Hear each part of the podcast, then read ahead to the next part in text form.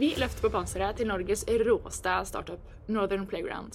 Northern Playground de utfordrer forretningsmodellen til hele tekstilbransjen. Vi har utvikla en forretningsmodell som både er lønnsom og som får ned forbruk. De jobber for at du skal beholde klærne dine lenger, helst for alltid. Redusere forbruk. Vi har daglig leder Jo Egil Tobiassen på besøk, og vi snakker bl.a. om paradokset deres hvorfor vekst er viktig. I løpet av de neste åra skal vi ta posisjonen som nummer én innen bærekraft og klær. Hvordan er det å gå fra gründer til å bli leder? Rekruttering og vekst. Ensomheten man kan oppleve som gründer og leder. Viktigheten av å feire, og ikke minst ha noen å feire med. Produktutvikling og kundeinvolvering. På nettsiden vår kan du være med og utvikle nye produktideer. Og du kan også være med og bestemme om nye produkter i det hele tatt skal sendes videre til produksjon.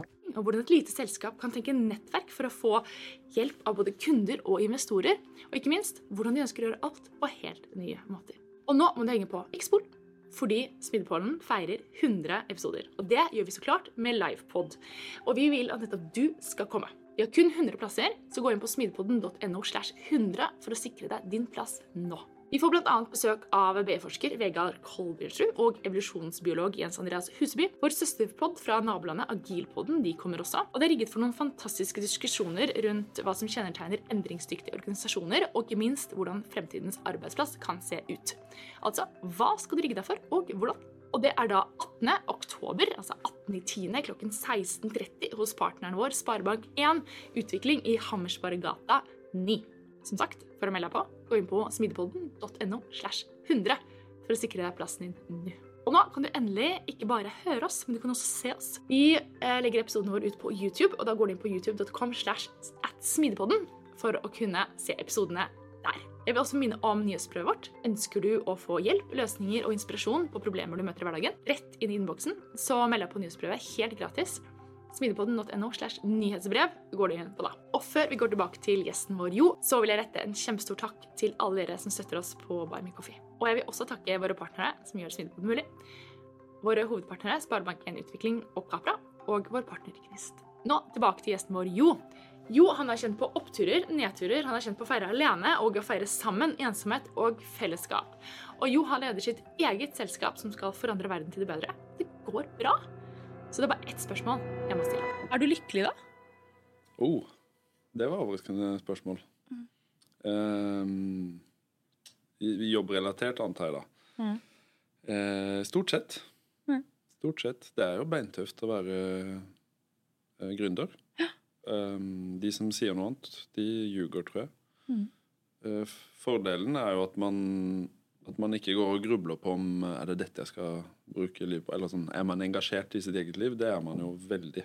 Mm. Og det er jo kult. Mm. Det gir lykke. Mm. Man sitter ikke med en følelse at man kaster bort livet. Det, det tror jeg aldri jeg har følt på. Uh, men, men, men, det er ofte mye bekymringer som kan ta litt unødvendig mye plass. Mm.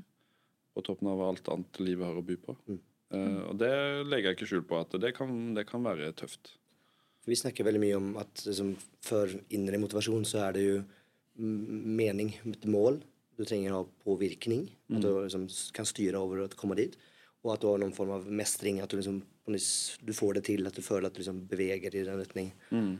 Og når jeg liksom hører historien deres, så, så kan jeg liksom, kjenner igjen alle de tre elementene. Mm. Men det er, jo, det er, jo, perioder hvor det er siste, altså den mestring, mm. at det føles som man ikke har det. At man blir veldig opptatt av at man ikke lykkes. Mm. At det tar liksom altfor mye av, av, den mentale kapasiteten.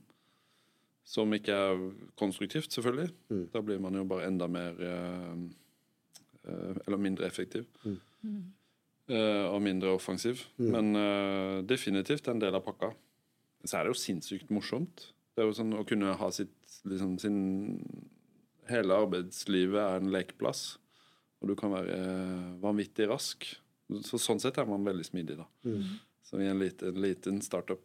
Du trenger ikke å spørre noen om lov til noe som helst. Og så har vi forankra hele, hele, selskapet på at vi skal være rebelske, vi skal være gærne, vi skal gjøre feil. Og kommunisere at vi skal være sånn. Og det gir jo òg en vanvittig spillerom ja. for å, for å være raske og, og smidige. Hvordan har det vokst frem?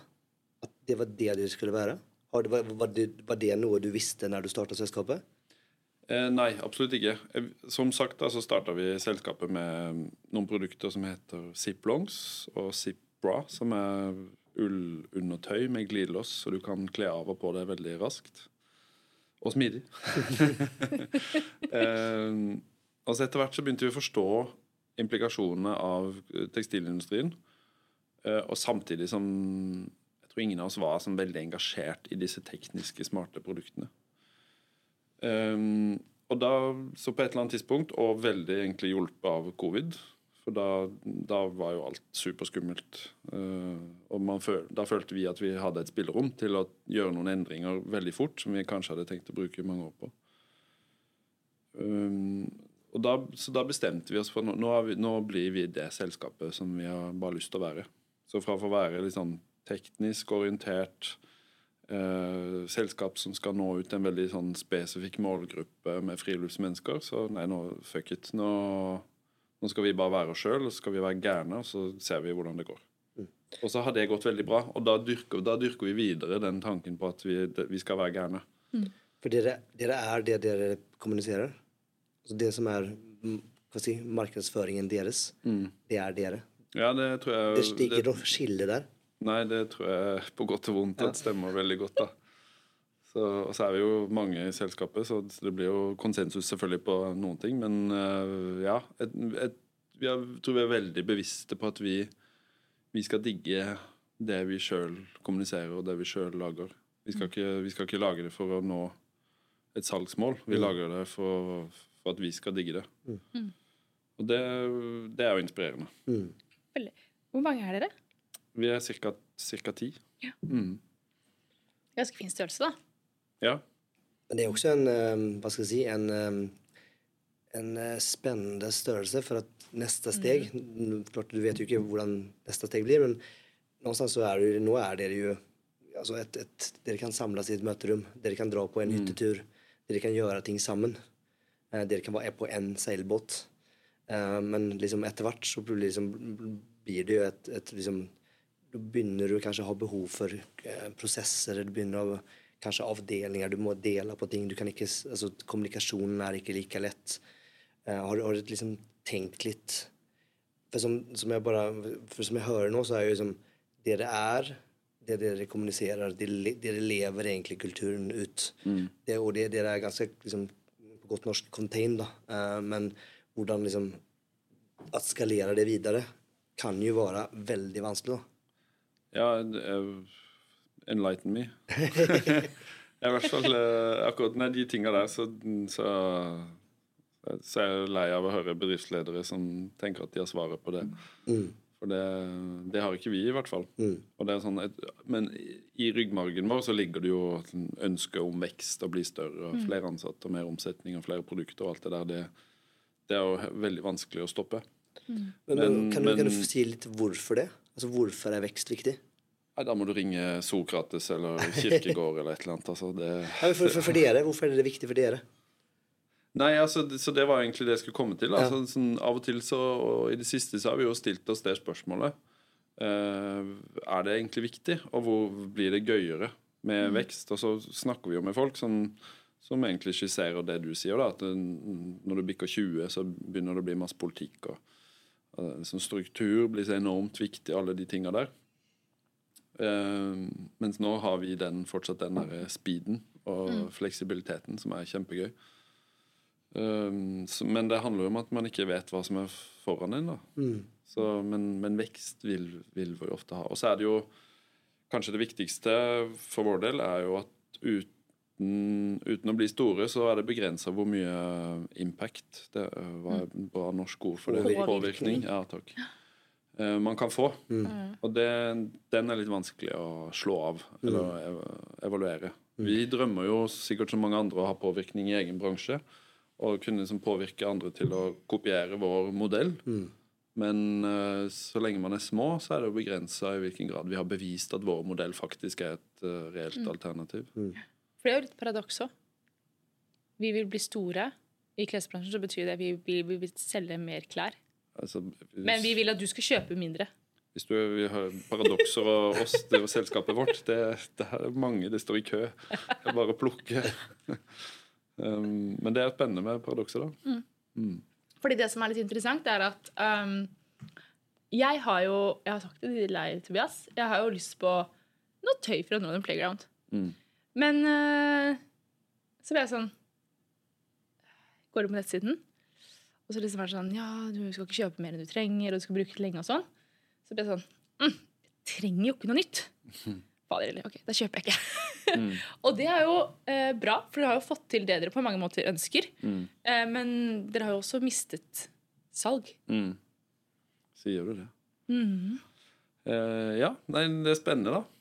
Men eh, det er jo Hvis man er genuin, så, så må man jo bare stå i det, tenker jeg da. Det, og på en måte er, Vi feirer jo òg når vi hører det du sier nå. For da har vi jo fått til noe. Da har vi hatt påvirkning. Og det er, det, det er jo virkelig det vi drømmer om. Og så gjør vi det vanskelig for oss sjøl, men ja, fuck it, da. Det, nå er det kanskje Nå når vi 1% av befolkningen, så resonnerer veldig godt med det vi står for. Og så forhåpentligvis om ti år så er, det 25% av befolkningen som liksom er enig med, med våre budskap og vår måte å, å kle seg på. Eh, og da blir vi store, samtidig som volumet på klær forhåpentligvis går ned totalt sett. Så det er den logikken vi må nødvendigvis gå etter, da. Men, eh, men vi har ikke lyst. Vi er, vi er veldig glad i salg òg. Vi feirer når vi har gode salgstall. Det hadde vært løgn å si noe annet. Vi må, og så må vi ha, vi må ha et sunt selskap. Så, så ja, paradoks, masse paradokser. Kunne du tatt oss litt tilbake til starten og egentlig oppskaleringen? Og litt for at du, du har jo Jeg tenker at det kanskje nesten først, første rekrutteringen Kunne du kunne bare tatt den liksom der du var alene? Og så nei, vi må for å få det her til, så, så, så må vi liksom Man må ansette en til. Og det, der, på, på når det ble gjort, så var jo selskapet dobbelt så stort. Og det er jo liksom Kan du fortelle litt om eh, liksom, den prosessen til å finne den i starten? For der er det jo Altså konsekvensene av den rekrutteringen der er jo liksom helt enorm. Og hvordan gikk du frem, og hvordan føltes det egentlig? Ja, det, og det er, det er skummelt. Jeg tror jeg, jeg skulle gjerne ha gjort mye av det om igjen. Eh, ikke fordi at det var noe feil ansettelser eller galt med de menneskene, men uh, eh, det som vi i hvert fall gjorde, var at det tok gjerne det som lå mest tilgjengelig, sånn rett i, i, i sin egen omgangskrets, eller det som kom og banka på døra og spurte. Og det er jo ikke en god prosess. Um, og så, har man, så skjønner man jo etter hvert at uh, folk er mye viktigere enn produkt og, og fine PowerPoint-presentasjoner. Um, så det skulle jeg gjerne jo hatt liksom en bevisst liksom, strategi, skjønt mine egne svakheter veldig mye bedre, og så ansatt ut ifra det. det. Det gjorde jeg ikke. Så typ så var det en intern som gjerne ville hjelpe meg, og så jobba han litt, og så fikk han eh, Så var, var jo det kjempebehagelig at han var der. Eh, Men han kunne ikke tilføre så mye, men han hjalp til. Og så var broren min var innom litt, og kjæresten min var innom og jobba litt. Uh, Så den der, man, man har ikke råd til å betale ordentlig. uh, Og så er det vanskelig å gi aksjer. Og så, ja, så det blir sånn litt til, for tilfeldig, da, i mitt tilfelle. Så jeg skulle, ville heller, skulle jeg gjort det om på nytt, så ville jeg heller brukt dobbelt så lang tid på å få selskapet i gang. Kanskje ikke starta det hele, hele tatt før jeg hadde en ordentlig uh, co-founder. Med, altså en, en som var like uh, i grøten sammen med meg fra start. Så hadde jeg spilt, det, er liksom, det er det rådet jeg gir til andre gründere. Bare finn det, med mindre du liksom har en veldig tydelig plan. Ikke gjør det aleine. Virke dedikert. Få, ja, få med noen som er like dedikerte, eh, og som du kan spare med, og som du får energi av. Mye viktigere enn eh, å starte i morgen. Det er veldig interessant det du sier der. Kjenner du til Gary Vee? Nei. Eh, veldig kjent eh, gründer. Gründa flere veldig suksessfulle selskaper. Eh, og han interagerer veldig ofte med, med fans og folk rundt omkring. Og da var det en som sa det at han var så frustrert fordi at han hadde folk i selskapet sitt, et lite selskap, som ikke var dedikert. Og han skjønte ikke hvordan han skulle få dem til å være dedikert. Og da sa han det at ehm, Du må bare innse det, at folka dine kommer aldri til å bli så investert og dedikert som det du er. Mm. For det er ditt selskap, ikke dems. For dem er det bare en åtte til fire jobb. For deg er det livet. Mm. Og du kan heller ikke forvente det av dem. Um, og det synes jeg var en interessant eh, refleksjon han hadde, og ærlighet. Mm. Ikke minst, da. Han har jo 2000 ansatte. Mm. Men det er brutalt for en gründer å, å innse det. Ja. Og så er det jo veldig sant. Mm. Men det tar tid å innse det òg. Mm. For du tror du har så troa på visjonen din og på selskapet ditt, og Mm. at man er i samme båt. og Det er, sånn, det er jo kjempekult. Mm. Eh, og det òg gjør at man kanskje mm, ikke tenker nok på ledelse.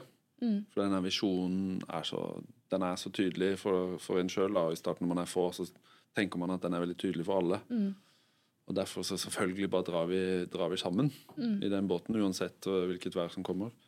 Mm. Eh, men det stemmer jo ikke. Altså, det er bare du som ror hardt, og jeg står ved roret hele, hele natta. Ja. Og det, selvfølgelig er det sånn. sånn. Det hadde jo vært likt om vi, om vi var ansatt i en annen selskap. Mm. Men det er brutalt å innse. Mm. Men samtidig så opplever jeg at det er et I, i Mot samfunnet i dag så er det en, liksom en De unge som vokser opp i dag, ønsker i større grad Eller man ønsker eller man ser på jobben som noe mer enn bare jobb. Man, mange ønsker å gjøre en forskjell, ønsker å liksom igjen ha noe som gir mening. Um, så jeg tenker at dere kanskje på en måte har også en um, Timingen er kanskje også riktig. At du faktisk kan få tak i at greier vi faktisk kanskje har litt feil. da. At du faktisk kan få tak i folk som på en måte brenner for det samme. da. Mm. For, for kjenner du deg liksom, Er du enig med Gary Vee her? At liksom det er ikke altså, Det er kanskje ikke like motivert som deg, men, men de, mm. jeg tenker kanskje at det, det må være mulig å få tak i folk som måtte brenne for de samme tingene som du og Northern Playground brenner for. Det er i hvert fall utvilsomt at hvis man, hvis man jobber for noe som er større enn seg sjøl, så blir vi jo motivert. Mm. Og hvis man tror veldig på den, det som er litt større enn seg sjøl, så, så hjelper det er mye viktigere enn lønn og alt det der. Og at man er et fellesskap som gjør det sammen, det er også mye viktigere enn enn lønn og alt mulig.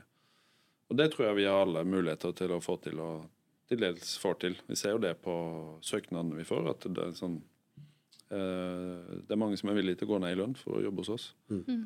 Og det er jo et godt tegn. Absolutt. Og vi er en veldig dedikert gjeng, og det er veldig, miljøet er jo det er det alle vekter når de skriver en søknad til oss. Mm. At det er troa på visjonen. Mm. Så det mm, Sånn sett tar han kanskje litt feil, da. Mm. Men at det er ingen andre som er så dedikert, det tror jeg Det stemmer jo. Ja. Men det jeg gjorde da, så etter hvert så var jo at det, at det ble veldig sånn tydelig for meg at den ensomheten ikke er bærekraftig. Mm. Uh, og da gikk jeg aktivt liksom til verks for å få med en person til som var som kunne styre selskapet sammen med meg. Mm. Og som fikk ansvaret og, og den rollen. Mm. Og det eh, veldig flaks, tror jeg, men det, det har jeg klart å finne. Mm. Og det har endra livet og selskapet voldsomt. Mm. Så det er kult. Ja, for det må jo være utrolig deilig også som, som gründer, og du står helt alene i det i starten. Ja, du får litt hjelp, men til syvende og sist er det på en måte deg. Mm. Eh, det å få med en til, kunne få lette litt på trykket. Og ja. Det er ikke deilig. Det, det, er alt. det betyr alt. ja. Mm. Det betyr så mye at ikke du Bare bare det å feire Mm. alene, det er utrolig kjedelig. Hvis det er liksom virkelig noe kult som har skjedd, og så, Ja. og så merker du at ja, ja, det er okay, ja, det er jo kult. Mm. Istedenfor at det er liksom der Fett, nå spretter vi champagnen og tar en fest og klemmer og danser litt. Mm. Ja. Det er så Det er òg ensomt å ikke ha, ha den fellesskapet der.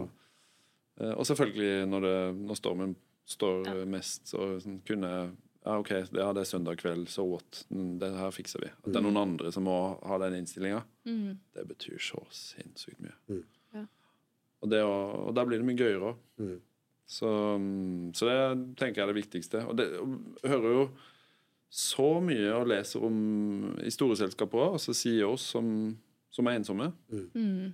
Det er akkurat som det er litt sånn tabu rundt det. Sånn, nei, det, det, når du er CEO, så har du jobba deg dit og masse lønn, og det må du tåle. Mm. Så jeg bare sånn, Nei, hvorfor skal vi tåle det? Ja. Det skjønner jeg ikke. Det er sånn, selvfølgelig er det en unødvendig påkjenning. En CEO burde ha en, en sparepartner. Mm.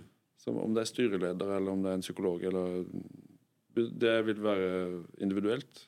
Men veldig ubegripelig at ikke, vi liksom, at ikke styr, et av de viktigste rollene til et styre, uansett størrelse på selskap, Mm. er å sørge for at liksom, i hvert fall CEO, men kanskje ledelsen, uh, har det bra. Mm. Og kanskje til og med spesifikt ikke er ensomme. Det har jeg aldri tenkt på før, men det var utrolig Jeg er helt enig. Og det er mye, det er veldig, veldig mye som skjer i dialog, da. Altså, det er jo vanskelig å tenke selv. Altså, det, Mm. og liksom, det er jo ganske og Når du har en som altså, oppgave kanskje er å tenke, så er det liksom at sette det altså, vi, vi tenker jo alltid bedre sammen. Nettopp.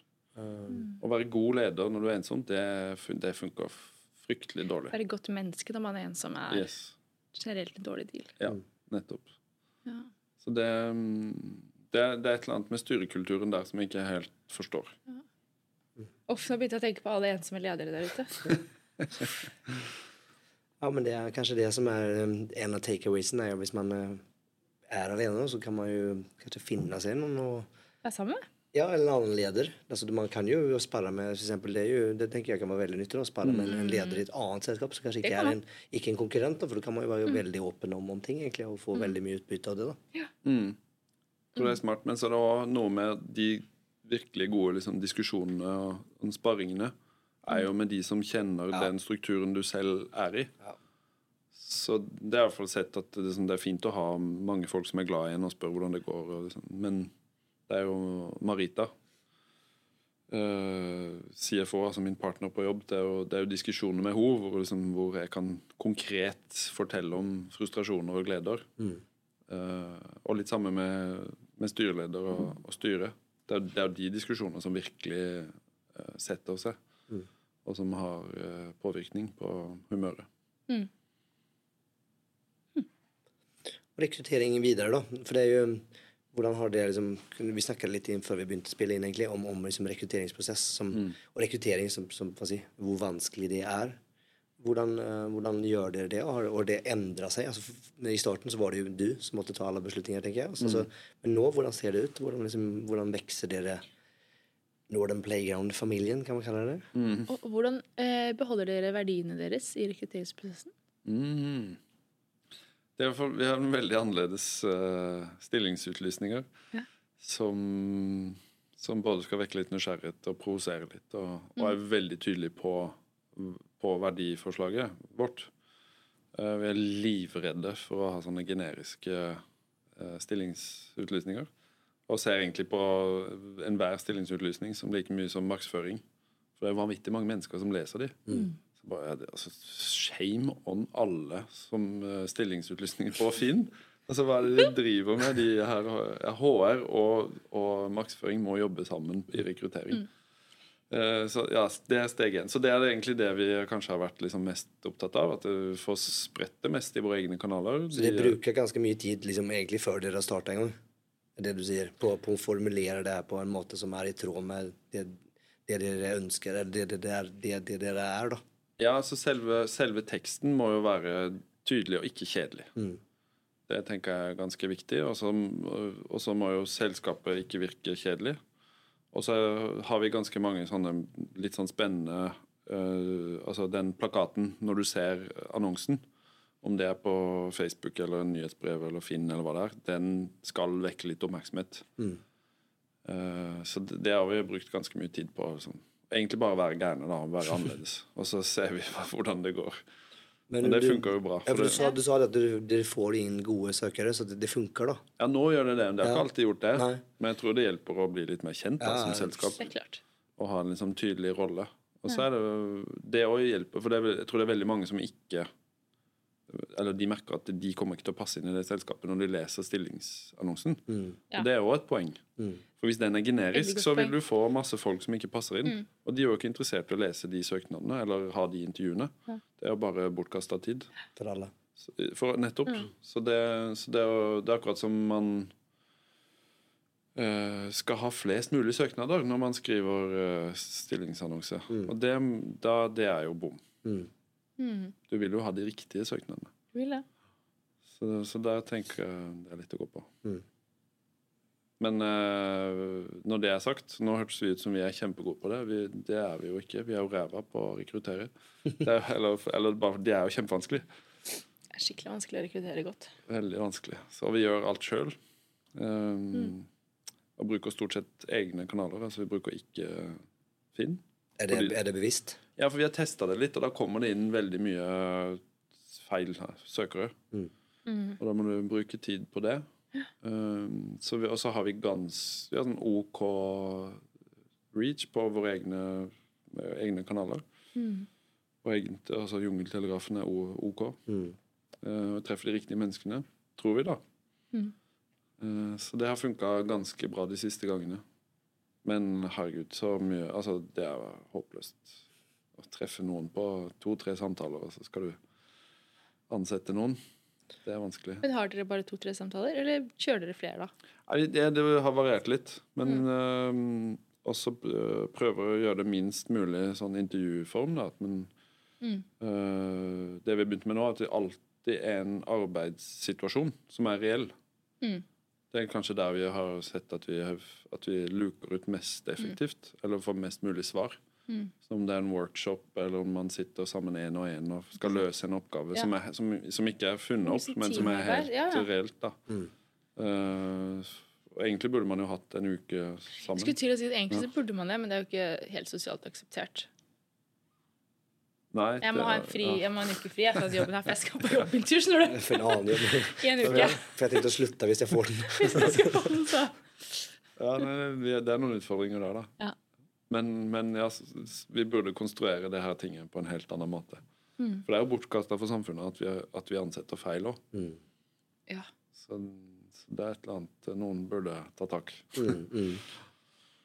Det kan dere gjøre. Ja.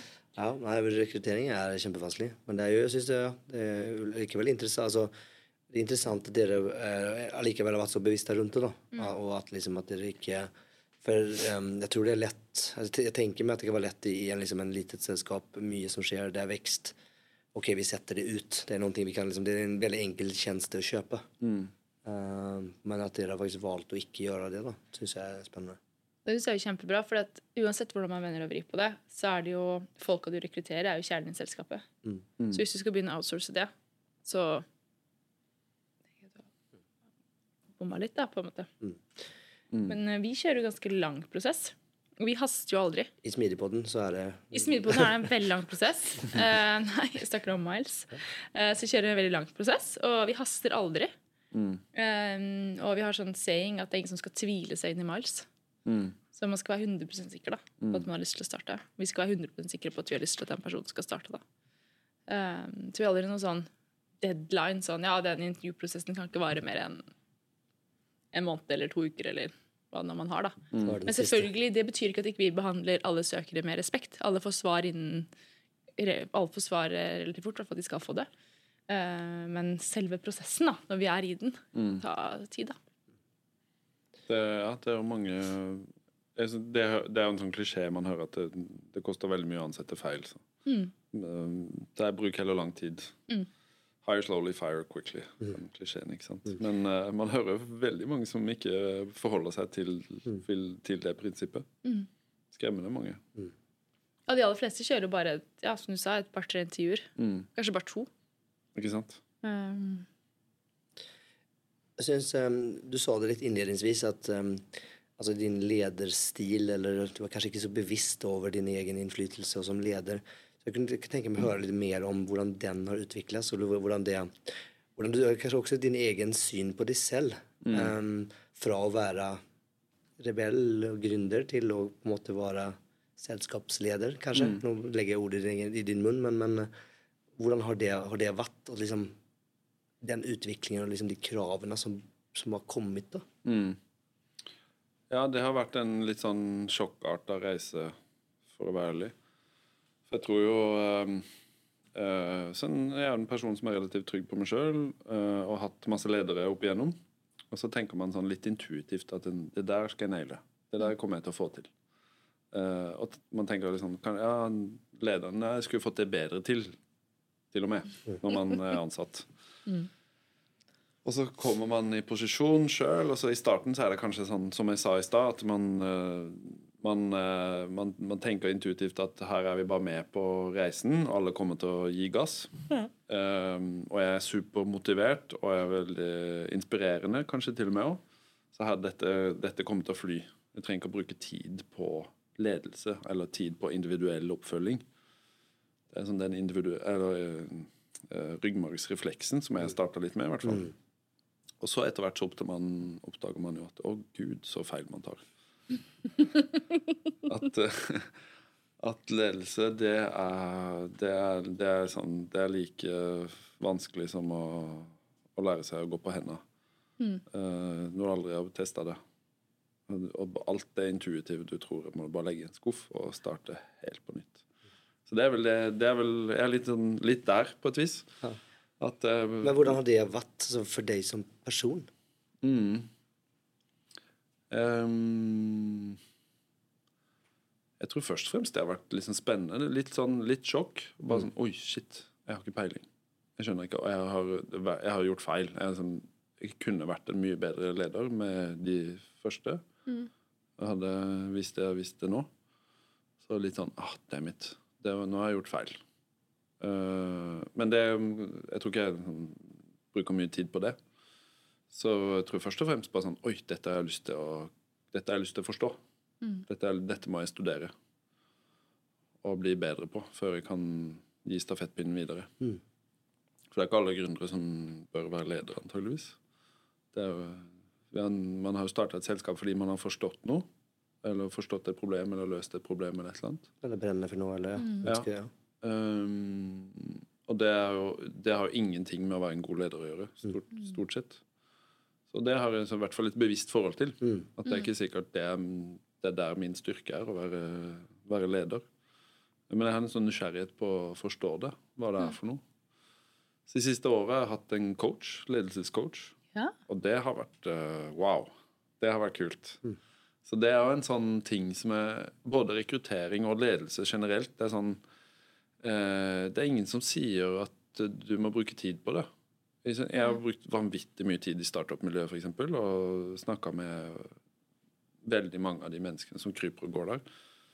Eh, og alle har jo alle har masse råd på strategi, på produkt, på teknologi, på alt. Liksom, det er masse råd, og i styrerommet òg, sånn veldig mye råd på alle de tinga der.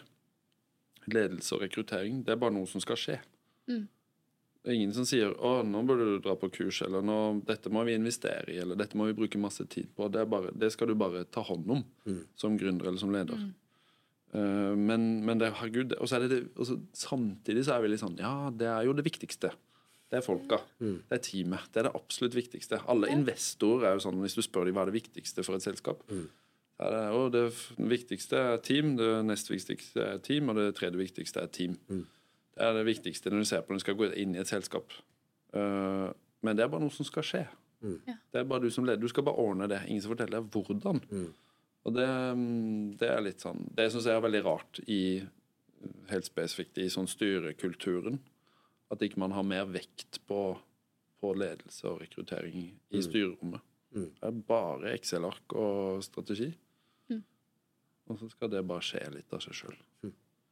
Har det endret din egen syn på deg selv? Hvem du er? Uh, ja, jeg ble i hvert fall blitt veldig mm, sånn mer ydmyk på, på, på meg sjøl opp mot andre mennesker. Uh, og skjønt hvor lite jeg får til uten andre mennesker. For det er det jeg virkelig Man får jo til veldig lite aleine. Er det? Og, det tror jeg som sånn 25-åring så skjønner man ikke helt det. På godt og vondt, kanskje? Ja. Eh, så, så det mm, Jeg tror jeg ja, blir veldig mye mer sånn setter pris på andre mennesker som, som er med på reisen, og som bidrar. Og, og skjønner at, at jeg må gi meg sjøl for å få til det. Det kommer, ikke, det kommer ikke automatisk. Jeg er nødt til å forstå hva som driver hver enkelt, og hva som plager hver enkelt. og liksom gå inn, Det er det er én til én det handler om. Du må virkelig forstå hver enkelt ansatt, og at ikke de drives av de samme tingene som jeg gjør. Det er den første eller andre feilen, kanskje, at man tror at, at man, det er den samme motivasjonen.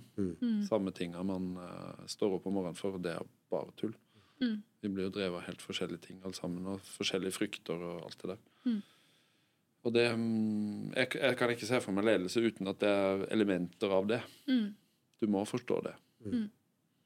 Du er litt inne på det nå, men um, hvilke andre typer liksom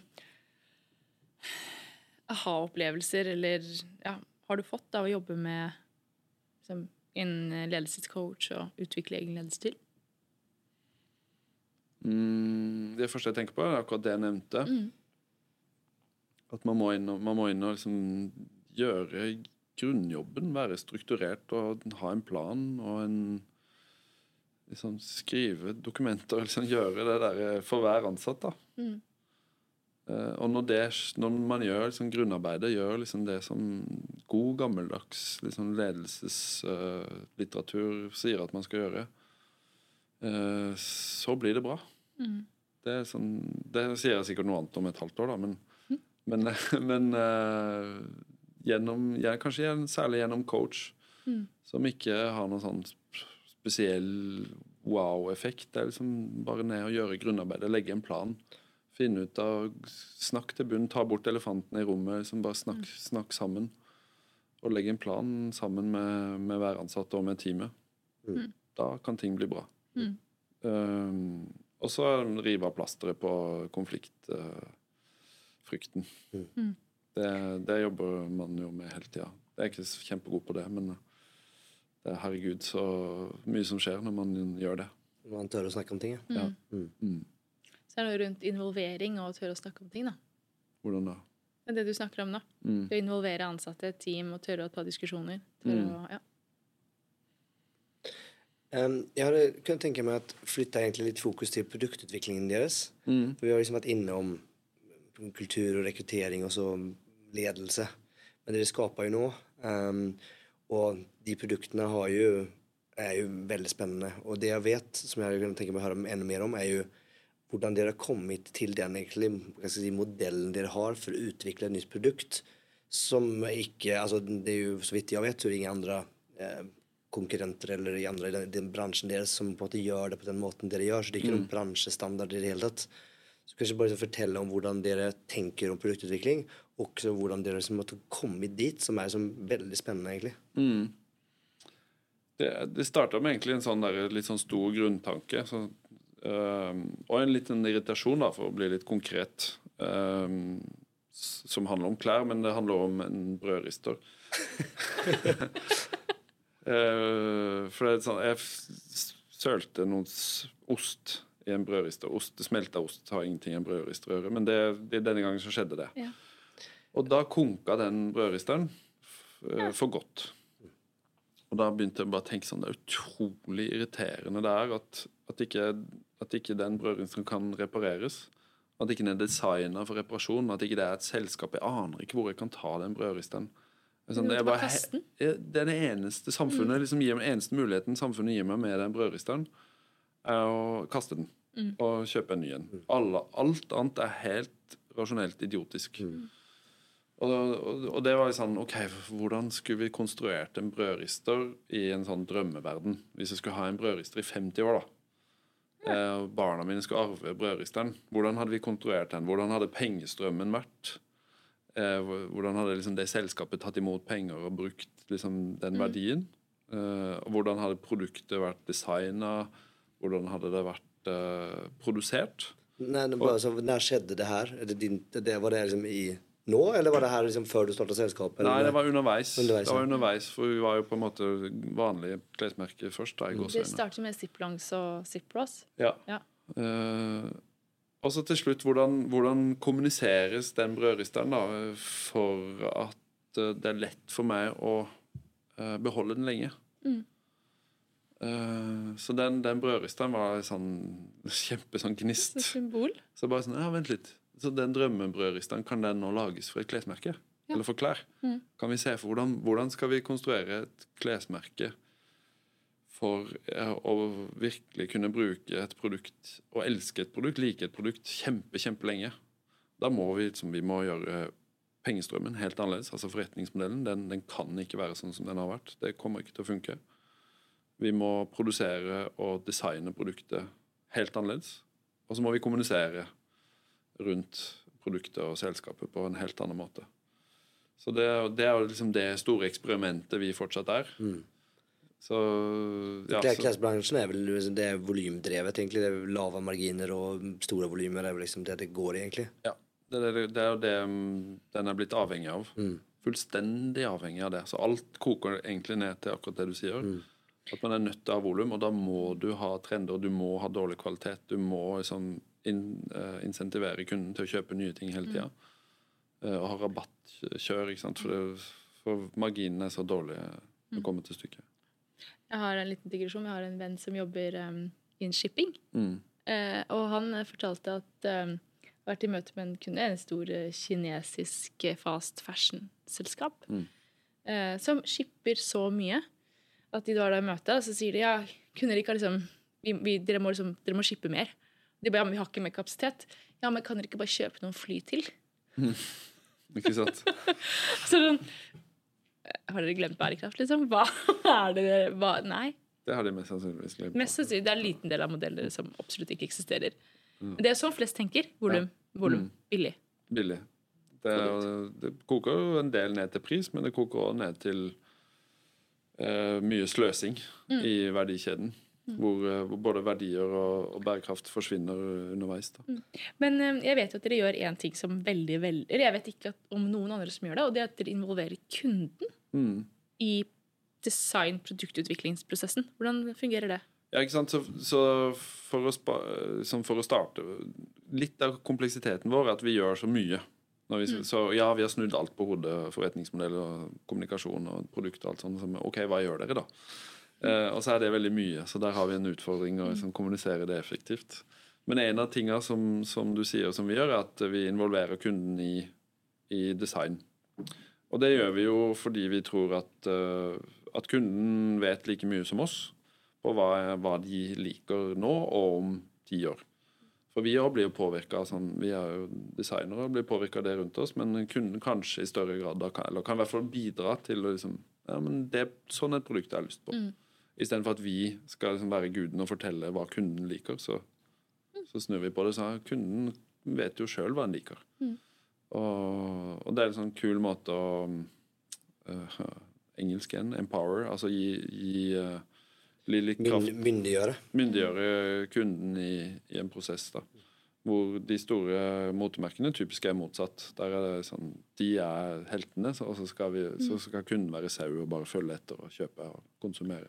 Det er litt interessant, for jeg husker, vi, vi hadde samtalen om det her kjempelenge, Tobias, og så sa du sånn Ja, men da sier jeg sånn som Henry Ford sa. Hvis jeg hadde spurt uh, kunden min hva den ville hatt, så de ville bare sagt flere hester, eller noe sånt. Raskere hester. Raskere hester. Eh, Så det er noe med det, Hvis du skal ha innovasjon, så må du også være misjonær da, og tenke annerledes også. Og det kan hende kunden ikke klarer det, eller kan det, eller at ikke de er spesielt visjonære, eller Ja, det, og det er jo et reelt dilemma.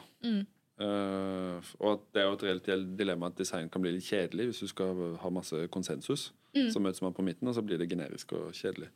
Så det er, det er jo det er vi bevisst, i hvert fall. Eller vi snakker mye om det. At vi ikke kan bare høre på kunden. Men det, kom, det som er kule, at de, det kommer masse ideer som ikke vi har tenkt på.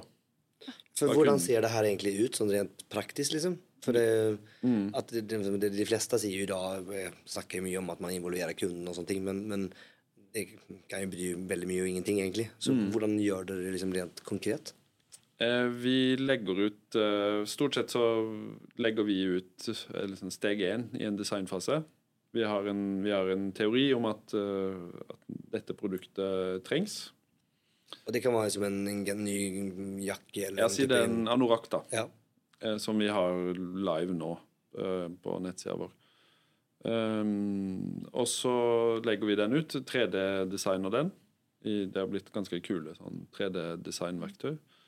Som uh, vi kan bruke og vise fram produktet uten å ha sydd noe som helst.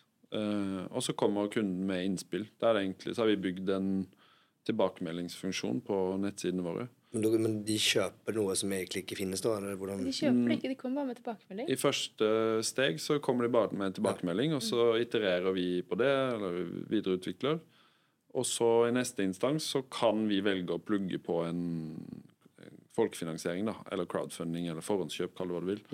Eh, Sånn at vi sier noen ganger har vi sagt vi må ha 200 personer som forhåndskjøper dette produktet for at det skal bli produsert. Det var sånn, For å bli detaljorientert, så var det før covid så var det mye lettere, for var, da var leveringstiden så kort. Mens eh, de siste åra har jo den gått Ja. voldsomt opp. da, Så det er liksom litt demotiverende. Sånn, Ja, du kjøper nå, men du får, så får du produktet om et år. Eh, så nå har vi slått av den funksjonen stort sett da i det siste. Eh, så håper vi at det kan komme tilbake igjen.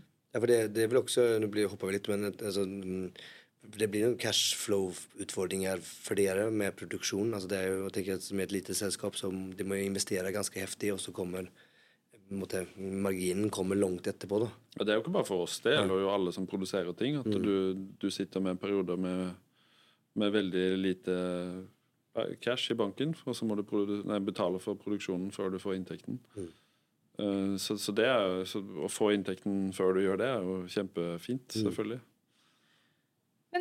Ehm, men um, når dere lager klær, så må dere jo ha en annen form for eh, Dere har sikkert med fancy men typ prototype, da. Dere må jo vite at ja, men den på denne rakken, da.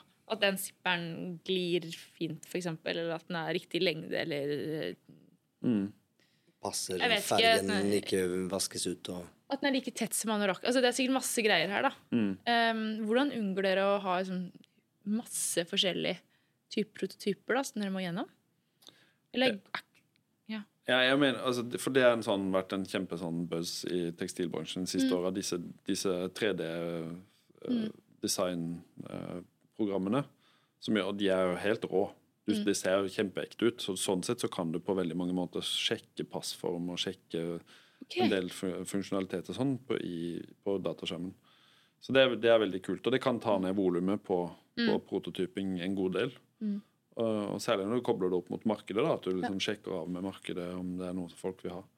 Men eh, som veldig mye annet, så er det mye grønnvasking i den argumentasjonen nå.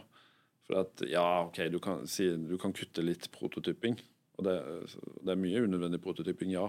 Men når forretningsmodellen i neste omgang å ut, bare eh, spy, spy ut det der produktet, så blir det bare sånn Kom igjen. Det er ikke det det handler om. Det er ikke der slaget står. Så det er, jo, det er jo det som er litt frustrerende. da, Når man begynner å forstå implikasjonen, så er det jo veldig mye av kommunikasjonen eh, i bransjen handler jo om marginale forbedringer på bærekraft. Og så kaller man, så putter man dem på en eller annen label eh, som gjerne ligner på bærekraft. Eh, og så tror kunden selvfølgelig at ja, ja, nå ja, gjør jeg noe bra for kloden når jeg kjøper dette produktet. Så er det, så er det bare marginalt litt bedre enn en det kunne ha vært. Og det hjelper ingenting. Kanskje man kjøper to til og med fordi at det er bærekraftig i gårdskjene. Hva er det som hjelper, da? Lavere volum. Vi må bruke bruke produktene våre lenger. Lenger? Mm. Så hva med liksom, ha, ha stoff noe å si? Ja, det har noe å si, men nå igjen, da. Veldig lite i forhold til det uh, volumet som vi kjøper. Det er det, det er det det koker ned til. Alle forstår det. Alle sier, altså det er ingen, all forskning og alt sånt bekrefter det opp og ned i mente.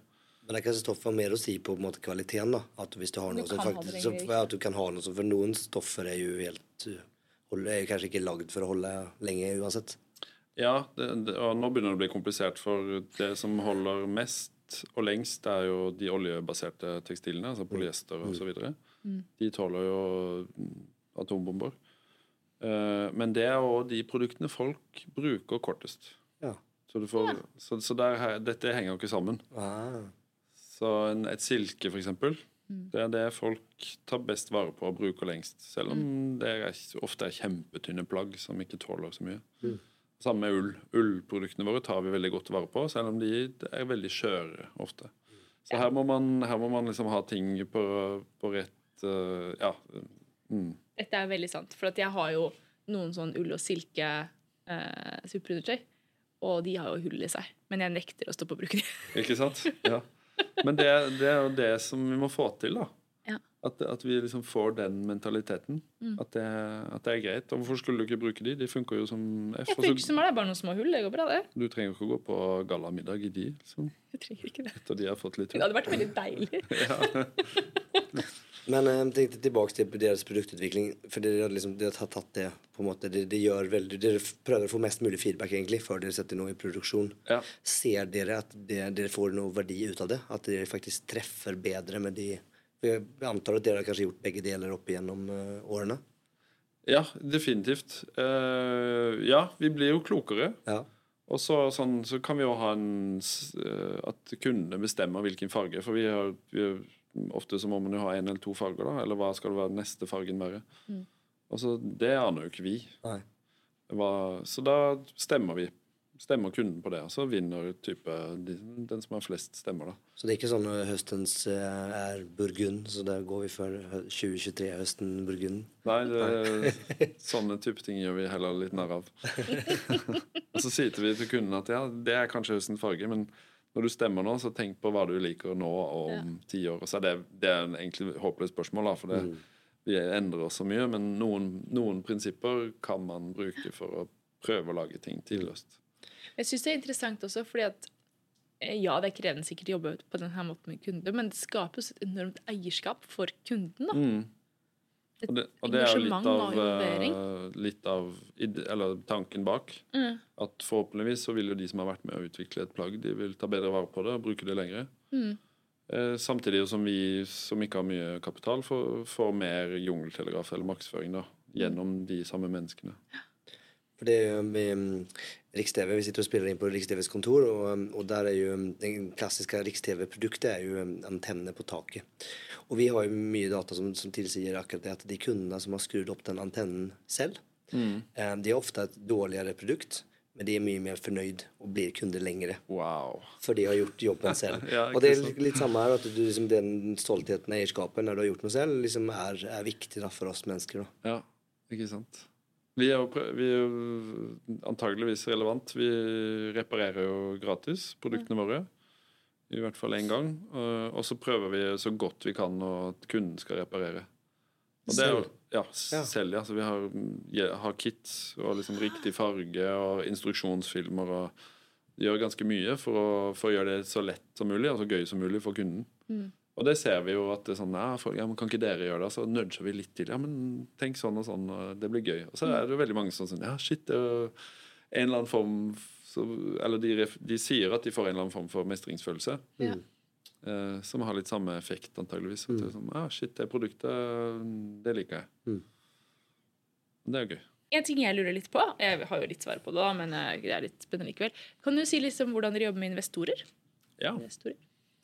Ehm, ja, jeg kommer jo Jeg er litt trøtt i dag, fordi jeg har vært på investortur. Ikke sant?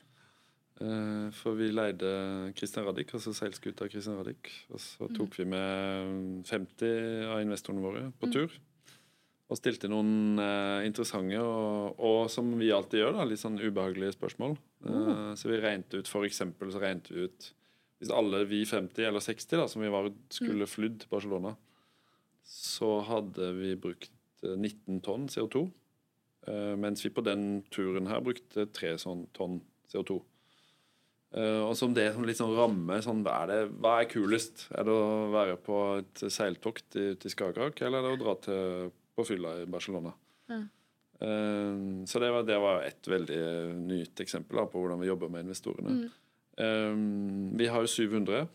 eh, For det er, også, det er kanskje viktig å si at dere har jo valgt en, en sånn crowdfunda-modell, eller altså en åpen modell, som man kunne jo tenke seg at dere gikk til bank eller til noe investmentselskap eller her som hadde noe større eiere, og kunne jo blitt kjøpt av jeg vet ikke, HM kanskje. Altså det hadde jo det, det er mange veier dere kunne gått, men dere har egentlig valgt en, tror jeg, litt annerledes vei. Mm. Ja, som sagt, da, vi, vi, vi har jo nesten sånn sjukdom at vi, vi gjør ting motsatt av det, oppskriften. eh, på godt og vondt. Og en av de er jo det finansielle. Eh, så, i, så første gang, Vi har crowdfunda tre ganger, vel. Første gangen var det litt sånn nødvendighet. Vi klarte ikke å, å, å få penger på annen måte. Det er jo veldig, I motsetning til f.eks. Sverige, så er det veldig lite eh, interesse for tekstil i Norge. Eh, men etter hvert så har det jo blitt den bevisste strategien. Nå har vi jo fått en del interesse fra mer tradisjonelle finansmiljøer. Mm. men tenkt, liksom, tenkt at ja, det er kult å tenke å bygge et selskap på en helt annen måte, med mange eiere. som kan være med på reisen, forhåpentligvis. Og så at ikke sånn kapitalen bare er på de som pleier å ha kapitalen, men at vi kan være med på en sånn kapitalreise. Det, det er motiverende i seg sjøl. Og så er det jo selvfølgelig viktig for selskapet at når vi er så mange eiere, så må vi jo bruke de eierne til noe. Og viktig at de blir engasjert, og at de er ambassadører for selskapet og snakker om oss. Og får lov til å komme med innspill.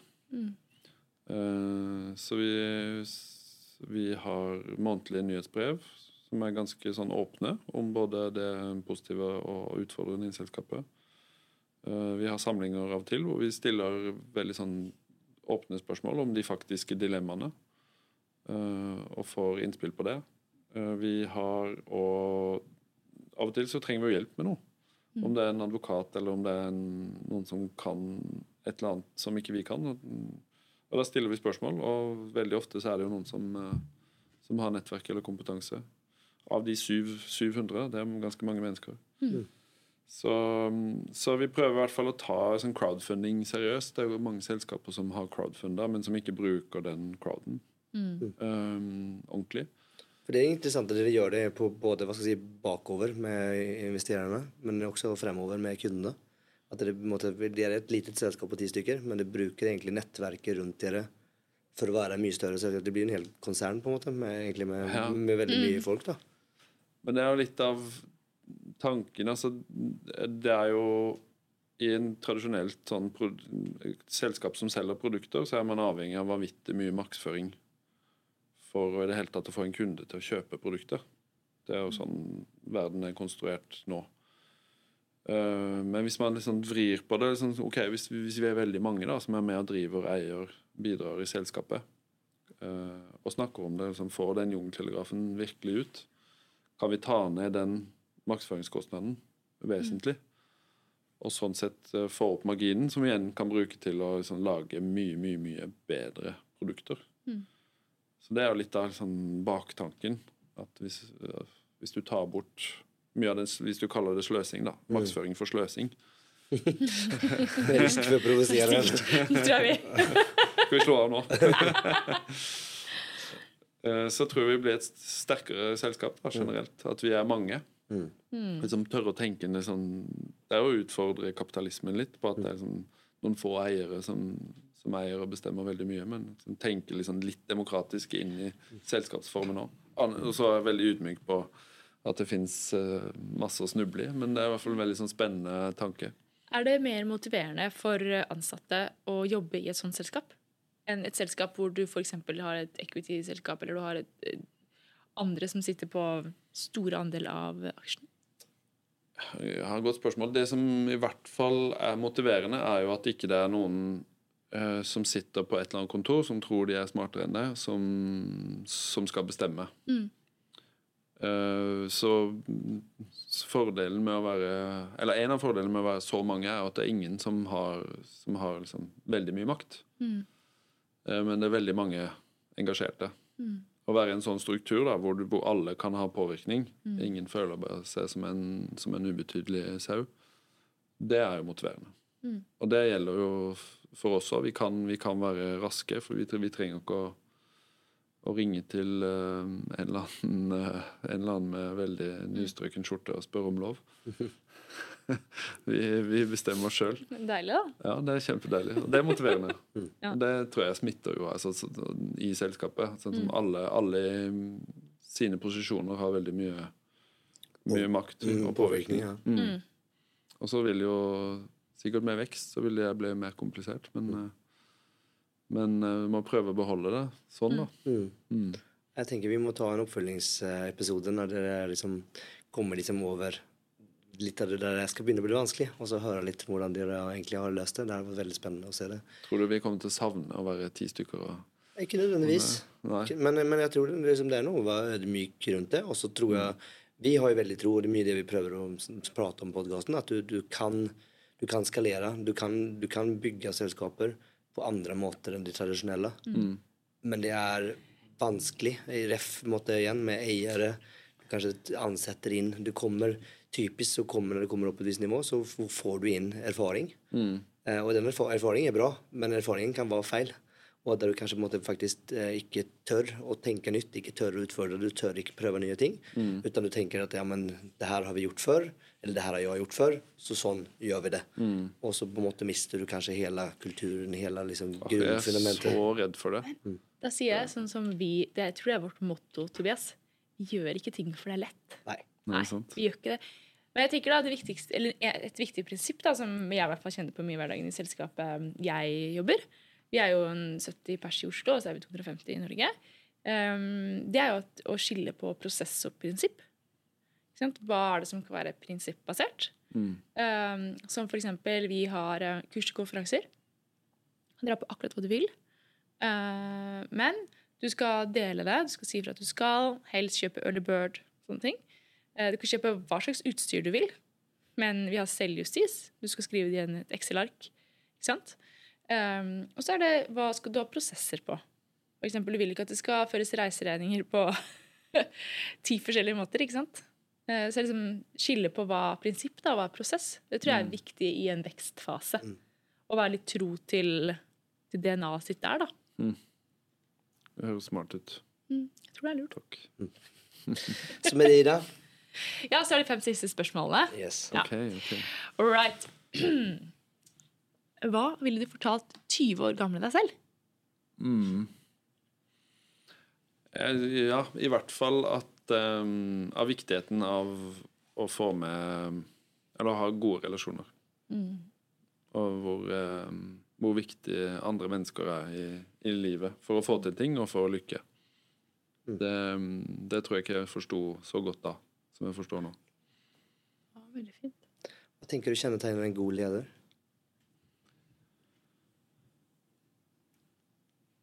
En som eh, En som, eh, ikke for, en som ikke klarer å svare på det spørsmålet. Ydmykhet? Er det, Ja. er det? Ja, ja. Ja, det tror jeg nesten Hvis man er stålsikker på hvordan man svarer på det spørsmålet, da blir jeg skeptisk. ja, det var ja. Interessant. Så veldig ja. kult. Det var et ja, Det svaret likte jeg, altså. Nå må jeg hjem og tenke litt. Eh, Men eh, hvis du skal gi et råd til de som skal eh, starte Skal gründe litt, da. Hva ville det vært? Det blir klisjeen. Det blir team, team, team. Det er mye viktigere enn produktet. Konseptet. Viktigere enn timing. Få med bra folk. Det, bra folk kan endre produktet til det perfekte. Eh, mens det perfekte produktet eh, aldri blir solgt fordi at du ikke har menneskene til å få det ut. Så få med bra folk. Få det til å bli gøy. Bare sørg for at når det er dritt, så har du det fortsatt bra. Mm. Det er sånn steg én. Start med det. Ikke start, eh, hvis, hvis mulig, så start med menneskene. Mm. Men det gjør man jo aldri. Og det er alltid gode unnskyldninger for ikke å starte med menneskene, men det er det viktigste. Har du noen lydbøker, bøker eller podkaster du ønsker å anbefale? Ja, det er mange. Um, det er noen Ja, det skal jeg jo ta én, da. uh, 'Business for Punks', som er skrevet av han som starta Brewdog. Ja. Nå har Brewdog kanskje fått litt sånn offisiell juling da, pga. lederstil. Nei, ikke offisiell. Eh, sånn, i, I offentligheten fått litt juling, og så vet man ikke historien der. Men det, den boka trenger ikke å ha noe med det å gjøre i det hele tatt. Eh, veldig morsom, fordi han utfordrer jo egentlig alt. Eh, med unntak av å ha kontroll på finansene, så, så åpner han opp for at du kan utfordre absolutt alt. Og så er det ikke sikkert man skal gjøre det, men, men i hvert fall bare se at det er mulig. Og se at det kan skape en global merkevare ved å gjøre ting veldig veldig annerledes enn den typiske oppskriften som man får på BI eller NHH. Det er kult. Og veldig morsom bok å lese. Jeg har lyst til å legge til et spørsmål. Ja. Um, hvis man som person skal ta mer bærekraftige valg, hva ville vært som topp tre råd du hadde dit? Slutt å fly, slutt å fly, slutt å fly. Ok, Bortsett fra slutt å fly. Det er, så- men det er så kjedelig, fordi den, eh, det, det gøyeste av alt som er ute og reiser, er sånn Det er absolutt eh, det som piker den CO2-biten veldig, da. Ja. Uh, Ja, nei, utover det, ja. Jeg tror det er um, bare kanskje forstå For du snakker på individnivå, ikke sant? Ja. Mm. Hvis du lytter nå, hva kan du gjøre, da? Mm. Jeg tror Gå inn og ta en sånn klimakalkulator. Bare bruk de ti minuttene på, som går på Det finnes mange kalkulatorer på nettet hvor du måler ditt eget klimaavtrykk. Eh, det har vi gjort eh, i styret og ansatte, og liksom, vi har hatt bare en sånn bevissthet rundt det. Og, det i seg sjøl å forstå eh, din egen påvirkning på, på vår tids største utfordring, det er en veldig sånn god start. Og så trenger man ikke å moralisere så veldig mye mer enn det i starten, men bare forstå Å ja. OK, jeg har så mye, ja. Og det er de områdene, om det er bilen eller maten eller huset eller flyreisen eller hva det er for noe, som bidrar mest eller minst. Starter en mental reise eh, som blir helt nødvendig for at vi skal kunne eh, kunne endre noe. Kunne endre vaner. Og så det neste som vi også har utfordra oss sjøl på, liksom, ta, liksom, ok, finn én ting, da. Bare finn én ting hvor du gjør en liten endring.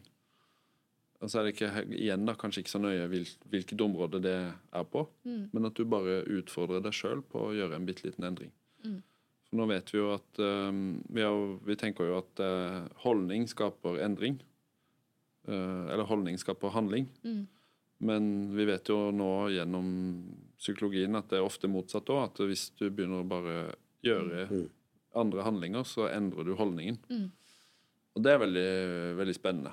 Og da trenger det ikke være sånn, sånn der, for det blir mye moral og mye pekefinger i, i bærekraft.